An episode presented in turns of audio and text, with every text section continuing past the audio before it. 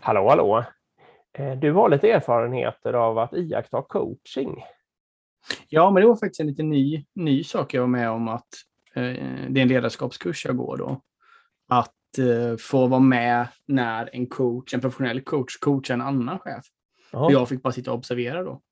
Um, och det är faktiskt en grej som jag aldrig varit med om innan. Uh, och det var faktiskt ganska lärorikt, eller det är väldigt spännande också. Uh, men oftast får man inte vara med i den situationen för att ja, man kanske tycker att det är för känsligt då, eller man kanske inte kan öppna sig till om det är flera i rummet och alltså sånt där. Ja, eller man Nej, den här chefen, tanken kan det vara. Ja, precis. Jag kände ju inte överhuvudtaget den här chefen, så jag hade aldrig, aldrig träffat den innan. Men det var ganska eh, spännande och mitt jobb var ju då lite att observera vad, eh, hur den här coachen gjorde och se om jag kunde se några mönster, om jag kunde se ja. På något sätt liksom. Och lära mig både metodmässigt men, men även se vad som hände när man kom till en, ja, då det inte kom vidare eller sådär liksom. Ja. Intressant. Eh, och det var ganska... Ja, vad såg ja, du för mönster? Ja, det jag såg var ju kanske det mest självklara det är det här med öppna frågor. Ja. Alltså det ställs inga liksom, ja och nej-frågor. En annan grej är ju också liksom att coachen hade ju aldrig svar såklart, utan det var ju bara så här, ge nya vinklar liksom. Ja. Det var inte så att den kom med ett råd, du borde göra så här, du borde tänka så här, utan det var ju mer öppna frågor. Och sen var det ju ett hjälp att skopa, alltså sätta scope eller sätta eh, lim, det är bara engelska ord, men sätta begränsa mm. liksom. Mm. Eh, så då var det så här, eh, vad är topp tre saker du vill jobba med liksom? Och då ska mm. man också visualisera antingen en chef man visste om som är duktig. Uh, eller någon liksom, ihopsättning av flera personer som du tycker är duktiga, alltså någon mm, mm, förebild, teoret, teoretisk förebild. Ja. Precis. Men teoretisk, teoretisk förebild och sen lite, gör lite gap då för att kolla vad, vad är det du saknar för att bli den personen. Ja. Fokusera på tre saker. Så det var liksom att limitera det då lite till, ja. begränsa det. Um, precis, och sen gjorde hon också uh, att hon frågade då liksom om hon hade förstått rätt, alltså det här att återupprepa. Ja.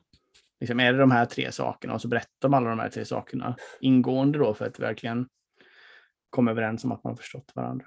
Och ja, sen var det precis. även då, ja precis. Egentligen är väl den tekniken för att tydliggöra för personen själv att den verkligen vet vad, den, vad det är den har kommit fram till.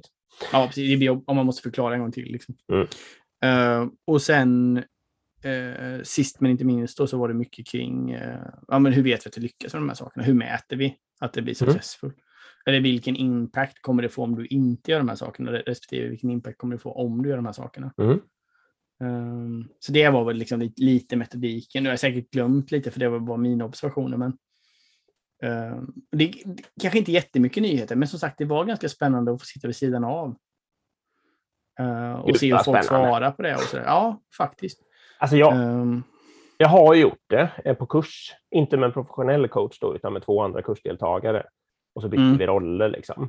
Eh, det var jättelänge sedan. Jag för mig att jag tyckte att det var jätte, jätteintressant just att få iaktta. Det var nästan den roligaste rollen. Liksom. Ja, eh, jag förstår faktiskt. verkligen. Men jag tänkte på, du coachar ju en del. Ja. Alltså mm, första linjens chefer eller ja, kanske ja. icke-chefsfolk och sånt ja. också. Jag tänkte på det, en, en, utveckling på det då, det skulle ju vara att du helt enkelt tar med en annan chef ja. som inte coachar så mycket, som bara får sitta och, observera det coachandet. Om alla personer är med på det och så vidare, om du inte tror att det är begränsat. Nej, det är en superbra idé. Och, och sen kan jag ju be att få följa med någon annan som coachar också. Exakt. Mm. Nej, det är smart. Ska du få eh, feedback på ditt coachande efteråt kanske av den personen? Exakt. Så... Jag vet ju att jag lite har två eh, Alltså jag har, ibland har jag på, en, alltså på riktigt ingen agenda som coach. Eh, att jag bara tänker att nu ska jag bara hjälpa den här människans hjärna liksom, att komma fram mm. till någonting. Men jag, det händer ju också att jag har en agenda eh, och då är det väl lite att jag, jag vet inte om det är i någon slags fusk eller hur man uttrycker saker, men då är det ju att den sortens frågor jag ställer eller det tonfallet jag använder eller det jag väljer upprepa eh, ändå kan ta en människa i den riktningen som jag själv liksom kanske tror mm. skulle kunna tänkas vara smart. Och ibland gör han ju inte det och ibland gör han det. Lite guidad eh, coachning på något ja. sätt. Och det är förstås mm. att bryta mot, på ett sätt bryta, men jag, jag ger aldrig lösningsförslag ens då. Liksom. Det är bara om jag kan fråga mig fram till det som, ja. eh, som jag accepterar, alltså att den tar sig i min riktning. Mm, jag förstår. Mm, det ja, bra.